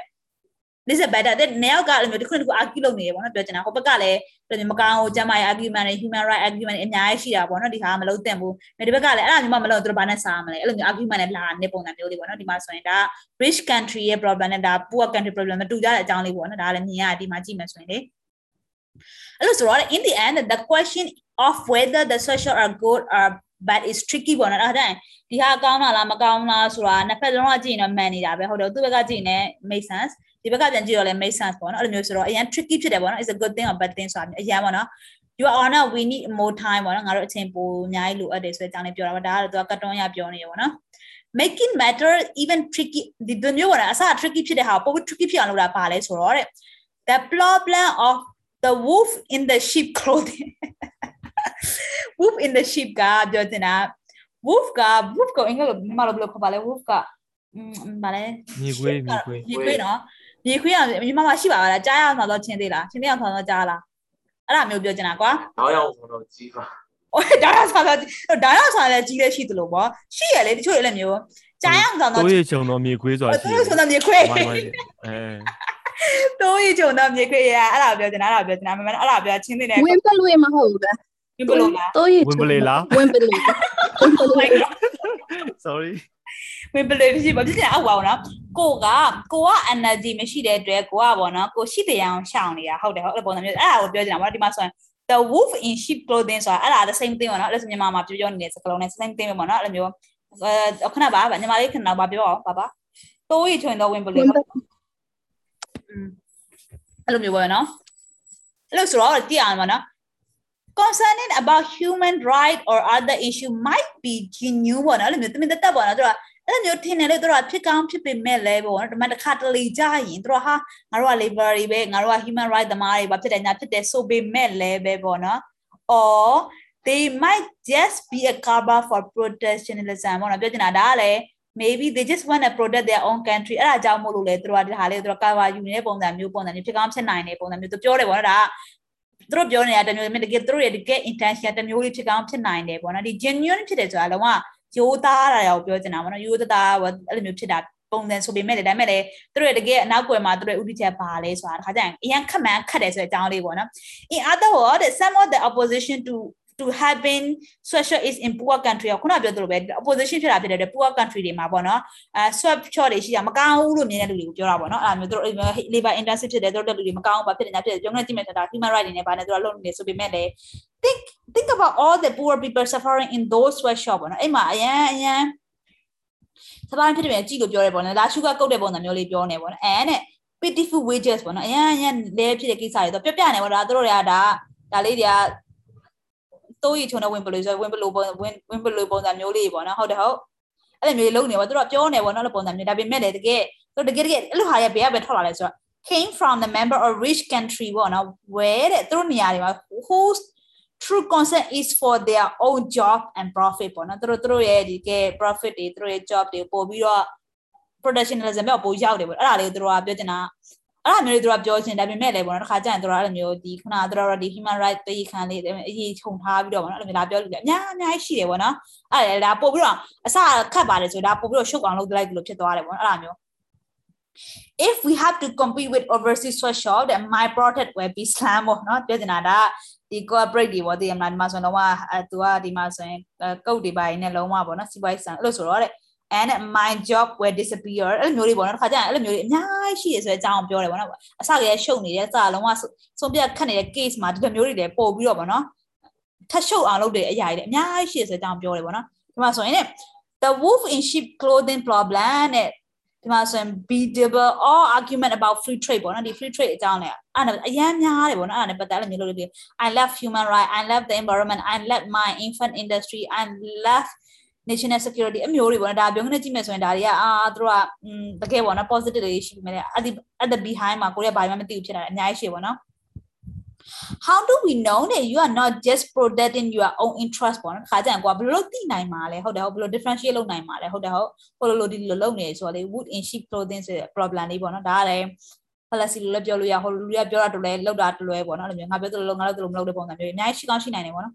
the fact is that some business and workers in rich country will say anything to avoid competition from poor country ပေါ့နော်အဲ့လိုမျိုးတွေရှိတယ်ပေါ့နော်ပြောချင်တာအရန်ချမ်းသာတဲ့နိုင်ငံတွေကသူတို့က competition မလုပ်ချင်ဘူးเนาะစီးရဲသမားတွေနဲ့အဲ့လိုဆိုတော့သူတို့က avoid ရတော့သူတို့ချားအဲ့လိုမျိုး case တွေလောက်ကောင်းလုပ်နိုင်တယ်ပေါ့နော် protecting our industry is crucial for national security ဒီစကလုံးကဒါ US ပြောပြောနေတဲ့စကလုံးပေါ့နော် China နဲ့ US တပိတ်တဲ့ခါကျရင်ဒီစကလုံးကဟာ China စီက import တွေအများကြီးယူတော့ဘာဖြစ်တယ်ညာဖြစ်တယ်ငါနိုင်ငံမှာရှိတဲ့ computer လုံးသမားတွေကလုံးလက်မဖြစ်သွားတာတွေရောပြီးရင်ငါမှာရှိတဲ့ industry တွေပြည့်ပြည့်နဲ့ပျောက်လာတာတွေပေါ့အဲ့အမျိုးတွေကြောက်ပေါ့နော် Trump ကို support တာတွေအမှန်ဆိုဒါကြောက်ပေါ့နော် Trump ကိုအရင် support လုပ်တာတူတယ်အများကြီးရှိတယ်ဒီ one of the reason this one ပေါ့နော် protectionism စိတ်ဝင်စားကြ but you don't make uh, you don't make gains you make better အဲ့လိုမျိုးအများကြီးရှိတယ်ပေါ့နော်သူအဲ့လိုမျိုးသူ argument နဲ့သူပေါ့နော်မျိုးမျိုးပြောကြတယ် and some business and worker in poor country will say anything to avoid competition from rich country ပေါ့နော်ဟိုကလည်း avoid လုပ်ချင်တယ်ဒီကလည်း avoid လုပ်ချင်တယ်ဆိုတော့ our domestic diaper industry need protection against huge foreign corporation ပေါ့နော်ဒီလိုမျိုးသူတို့က local business လေးဖြစ်တဲ့အတွက်ခုနကလို anti anti competition လုံးဝပေါ့ anti trust နဲ့ပတ်သက်တာထိကောင်းထိနိုင်တဲ့ပုံစံမျိုးတွေသူတို့ပြောတယ်ပေါ့နော်အဲ့လိုဆိုတော့တဲ့ တခါကြရင်ကွာဟိုတနေ့လည်းဆိုဖတ်တယ် foreign investment လာကြည့်ပါကိုနိုင်ငံကိုလာပြီးတော့ကိုနိုင်ငံ start unicorn လေးကိုလာလာပြီးတော့နိုင်ငံခြား foreign investor တွေလာပြီးတော့ဝယ်လိုက်တယ်ပြီးတော့မှသူလှုပ်ချင်သူလှုပ်လိုက်တယ်အဲ့မျိုးလေ use case တွေအများကြီးရှိခဲ့ဘူးလားဖြစ်တဲ့အတွက်ဒါလေးအရင်စဉ်းစားအောင်ပဲပေါ့နော် foreign cooperation လည်းနည်းနည်းမျက်ခြေပြတ်ထားလို့မရပါဘူးနော် but you have been making that infant in argument for years ပေါ့နော်ဟိုလာကလုံနေတာပေါ့အဲ့လိုဆိုတော့ and if driving off price for all or or as in poor country ပေါ့နော်ပြချင်တာ rich ကလည်း rich ရှိမှ rich ရှိမယ် poor country လည်း poor မှလည်း poor ရှိမယ်ဆိုတဲ့အကြောင်းလေးသူပြောနေတာပေါ့နော်တယောက်တစ်မျိုးစီပါပဲ these arguments are made out of narrow self interest ပေါ့နော်သူပြောချင်တာဒီလိုမျိုး argument တွေကလည်းမျိုးအားလုံးတော့ group as a whole မစင်သားကြဘူးနော် plan တစ်ခုလုံးတော့မစင်သားပဲနဲ့ကိုဂျိုးသူဂျိုးပဲကြည့်ပြီးတော့လုပ်နေကြတဲ့ဟာတွေပေါ့နော် which may not match up with the general welfare ဒီမှာဆို general welfare ဆိုတာနိုင်ငံတကာနိုင်ငံအောင်လည်းပြောတာဖြစ်နေဖြစ်မယ်ဒါမှမဟုတ်တစ်ကမ္ဘာလုံးလည်းပြောတာပြောရဖြစ်မယ်ပေါ့နော် ကို self interest ကိုက life self လုပ်နေတာဖြစ်တဲ့အတွက်အားလုံးတော့ကောင်းတာမျိုးဖြစ်မလာတဲ့ဟာအရင်အရင်များရတယ်ဆိုတဲ့အကြောင်းပြောတယ်ပေါ့နော် It's true that they may lose from free trade but trade is still pretty awesome just like technological progress ပေါ့နော်ပြောချင်တာဒီကုန်းဆို winner loser ရှိရဆိုပေမဲ့လည်းပဲပေါ့နော် at the end of the day it's still better off for everyone ပေါ့နော်အဲ့ဒါမျိုးပြောချင်တာ overall တဲ့ the case for free trade is not 100% slam dunk slam slam dunk ပါ dunk ပါဘယ်လိုလဲခဏမသိဘူးနော် that classical economy might it um, make it out to be ပေါ့နော်တမ်းပြောမယ်ဆိုရင်ကွာသူကအရင်လည်းအဲ့လိုဖြစ်မနေဘူးပေါ့နော်ပြင် classical economy တွေကအရင်အကောင့်ဘက်အတွေးမြင်ပြီးတော့အဲ့လိုမျိုးကြီးလည်းအရင်မဟုတ်မနေဘူးဒါပေမဲ့လည်းပေါ့နော်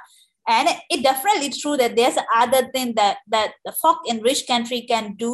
to help folk in poor country ပေါ့နော်တခြားနိုင်ငံမှာလည်းကုညီနေရလဲရှိတယ်ရှိတယ်ပေါ့နော်ဒါပေမဲ့လည်းပြောချင်တာ သူကပြောချင်တာอืมအရင်လည်း optimistic ဖြစ်သူကလည်းမကြည့်သင့်တယ်လို့ပေါ့နော်ဒီဟာလည်းသူတို့တွေကလည်း rich country poor country ကုညီပေးနိုင်တယ်ဆိုပေမဲ့လည်း but most economists argue that the burden of proof the burden of proof not in the debate about free trade lie with with those who oppose it ပေါ့နော်ပြောချင်တာတကယ်လို့ပေါ့ဒီ proof ကိုကိုကရှာခြင်းဆိုဘာမှရှိတယ်ဆိုအဲ့လိုမျိုးလုံးဝဒီ proof ဒီဟာကိုလုံးဝ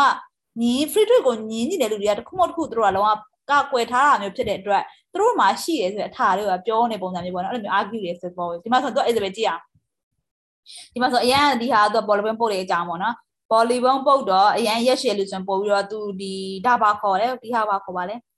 ဝင်းဝင်မပို့ဘာခေါ်လဲအဲ့ဒါလည်းမခေါ်တတ်ဘူးပေါ့ basket basketball ဆို basketball ဆိုတော့ဒီသူဒီသူဒီထဲရောက်သွားပို့ပြီးတော့ chance ပုံများတယ်ပေါ့နော်သူကအရက်ရှည်တယ်ရက်ရှည်ဆိုသူမှချမ်းသာတယ်ဒါမှမဟုတ်လည်း technology ကရမ်းမြင့်တယ်ဆိုသူတက်ပိုကောင်းတယ်ပေါ့နော်ဒီမှာဆိုရင် let's ဆိုလိုမျိုး foreign let's ဆိုလိုပေါ့နော်အရင် poor ဖြစ်တဲ့မျိုးဒီ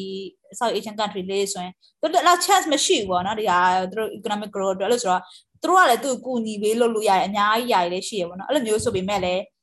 သူတွေက self interest case ကိုလည်းမမေ့ထားလို့မရဘူးဆိုတဲ့ပုံစံမျိုးပေါ့နော်ဒီမှာဆိုတော့ကွာကွာဒီမှာဒီမှာကားလေးပုံစံမျိုးပေါ့နော်ကိုကတော့ကွာသွားနေလို့ဆိုပူက country တွေနဲ့ bring along လုပ်ပါပေါ့နော် technology share ပေးတာတို့ဒီပညာတွေမျှဝေပေးတာတို့ဘယ်လိုဘယ်လိုလုပ်ရမလဲနည်းနည်းပေါ့နော်လုပ်ပေးတာအဲ့ဒါမျိုးတွေကလည်း ပို့ပြီးတော့ကောင်းသေးတယ်ပေါ့နော်ဒါနေရာလုံးကောင်းအောင်လုပ်ပုံစံမျိုးပေါ့နော်ဆွဲကော်သွားပေါ့အတူတူသွားပေါ့နော်အဲအဲ့ဒါဆိုအတူတူလေးလာကြပေါ့နော်အဲ့လိုပုံစံမျိုးပြောတာပါကိုကတိတိဖြစ်စေမတိတိဖြစ်စေကလုံးဆွဲခေါ်သွားပေါ့နော် it's a good thing ပေါ့အဲ့လိုပုံစံမျိုးကျင်တာ a lot of time they trade benefit everyone ပေါ့နော်အားလုံးအတွက်ကောင်းတယ်ပေါ့နော် so if you are opposed to trade you need to show where how trade either had us or has them ပေါ့နော်အဲ့ဒါကိုပြဖို့လိုတယ်ဆိုတဲ့အကြောင်းပြောတယ်ပေါ့နော် and if you can then maybe you should buy a t-shirt အဲ့လိုမျိုးပြောတယ်ပေါ့နော်ဒီနေ့တော့အများကြီးပြောလိုက်တယ်ဒီနေ့တယောက်တယောက်တော့ let's ကိုနည်းနည်းအောင်တော့ကြံခဲ့တာပြောပါအောင် let's ပြောနည်းနည်းလေးညားပါနည်းနည်းလေးခဏနားချင်တယောက်တော့နည်းနည်း summarize လုပ်ပါအောင်ဟုတ်မှာဟိုဒီနေ့ကလေဟို trade အကြောင်းပြောရပါတော့ trade ကကောင်းတာရှိသလိုအဲ့လိုသူ့ရဲ့စိုးတဲ့ဘက်လည်းရှိရပေါ့ကြီးနိုင်ငံချင်းပြဿနာတွေတက်လာနိုင်တယ်ဟိုဥပမာအနေနဲ့ဆိုလို့ရှိရင်လေဟို China မှာရှိတဲ့အဲ့ဒီ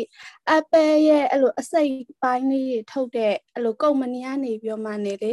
ဟို worker ရဲ့ suicide လုပ်သွားရဲဆိုတော့အဲ့လိုမျိုးသတင်းတွေရှိရလေအဲ့ဒီမှာဆိုလို့ရှိရင်တို့ရဘာဖြစ်လို့ suicide လုပ်သွားလဲဆိုတော့တို့ပေးထားတဲ့အဲ့လို working area လေးကအရန်ကျင်းတယ်ပြီးတော့တို့ထားတာက modern slave လို့ပဲအဲ့လိုအခန်းချင်းလေးတွေမှာလူ9ယောက်10ယောက်အိပ်ရတာတို့ဘာလို့အဲ့လိုမျိုးအခြေအနေမှာတို့အနေနဲ့အလုံးထွက်ဖို့ကြတော့လေတို့ကအဲ family အဲ့လိုမျိုးပြန် support ရမှာအဆင်မပြေတော့အဲ့လို suicide လုပ်လိုက်တာတို့ဘာလို့ညာတော့အဲ့လိုမျိုးပေါ့နော်အဲ့လိုဖြစ်တယ်ပေါ့ဒီဟို company အနေနဲ့ပြန်ကြည့်မယ်ဆိုလို့ရှိရင်လည်းဒါသူ့အတွက်ဘယ်လိုပြောမလဲ benefit ရှိရကွာသူရဲ့နိုင်ငံမှာသူ produce လုပ်မယ်ဆိုလို့ရှိရင် labor cost တွေကကြီးရပြလို့ရှိရင်အဲ့လိုမျိုး right တွေပေးရမယ်အဲ့လိုじゃဒီ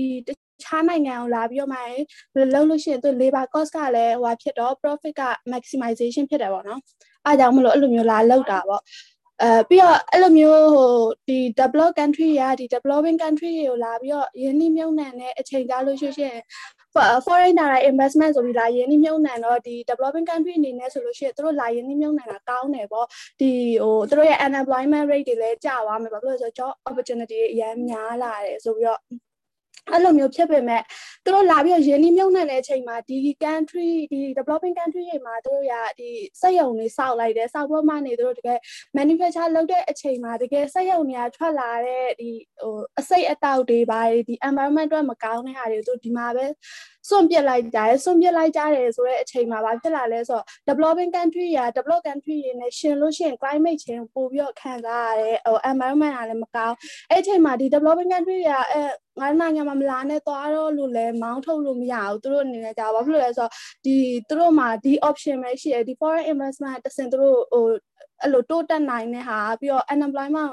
အဲအဲ့လိုမျိုး short ချနိုင်မဲ့ဟာဒီ option ပဲရှိတော့ဒီဟာကိုပဲလက်ခံနေရတယ်ပေါ့အဲတကယ်ဆိုလို့ရှိရင်ဒီဟိုအဲ့ develop country ကလာတဲ့အချိန်မှာသူတို့နိုင်ငံမှာ apply လုပ်တဲ့အတိုင်းဒီမှာ apply လုပ်လို့ရပါမယ်သူတို့က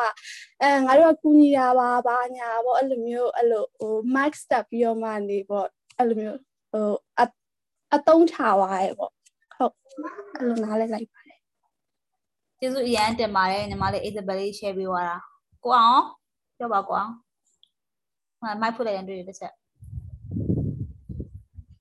အော်ဖွင့်အောင်မဟုတ်ဘူးလား sorry sorry စားလို့ရရင်လည်း share ပါအောင်ဘယ်လိုမြင်လဲအဲ့ဒါတွေဟုတ်တယ်လက်ခဏအဲ့သတင်းကြားရတယ်ဒီမှာ suicide သွားတဲ့သတင်းတွေ working environment ဒီပြန်နေပိနေရဲ့ environment တွေလုံးဝလုံးဝစုပ်ပြတ်တက်နေတာတော့ဘာလို့လဲဒီ Apple ဘာလို့ Apple ဒီ Nike ဟိုဟိုဟိုတော့သတင်းကြားလိုက်တာ Nike လား Nike လားအဲ့အဲ့ဒါနဲ့ပေါ့နော် Nike လားတော့မျိုးထွက်တာကြောင့်အမှလည်းအဲ့လိုမျိုး use case တွေအဲ့လိုအဲ့လိုမျိုးပေါ့နော်အဲ့လိုမျိုး case တွေအများကြီးအများကြီးလက်ကြားလိုက်ရတယ်ဒီလားအဲ့လိုဆိုတော့ကိုယ်လည်းအရန်ခံရတယ်ပေါ့နော်သူတို့ဒီမှာမရှိလို့သာလှုပ်ရှားနေကိုယ်အရန်အရန် rich ရတယ်ကိုယ်လည်းအဲ့လောက်ကြည့်တာမဟုတ်ဘူးဆိုတော့ပိုပိုတိလာအဲ့လိုဆိုတော့ခါကျရင် foreign aid တွေပါတိတ်ပြီးတော့ပေါ့နော်တိတ် foreign investment နဲ့ foreign aid တွေကိုဒါ double exposure ကိုမြင်လာတယ်ပေါ့နော်အဲ့လိုမျိုးဖြစ်တယ်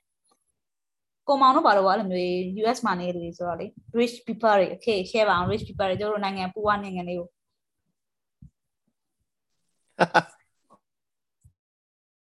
ဒီပဲကြီးရဟုတ်ပါပြီကျေးဇူးအရင်တင်ပါဒီနေ့တော့ lesson နဲ့ကြာပြီဆိုတော့ဒီနေ့ဒီနေ့ပဲဒီလောက်ပဲနေကုန်းချုပ်ပါတယ်လို့အားလုံးလည်းနောက်ပတ်တွေ့ကြမယ်နော် see you ပါ bye bye ပါ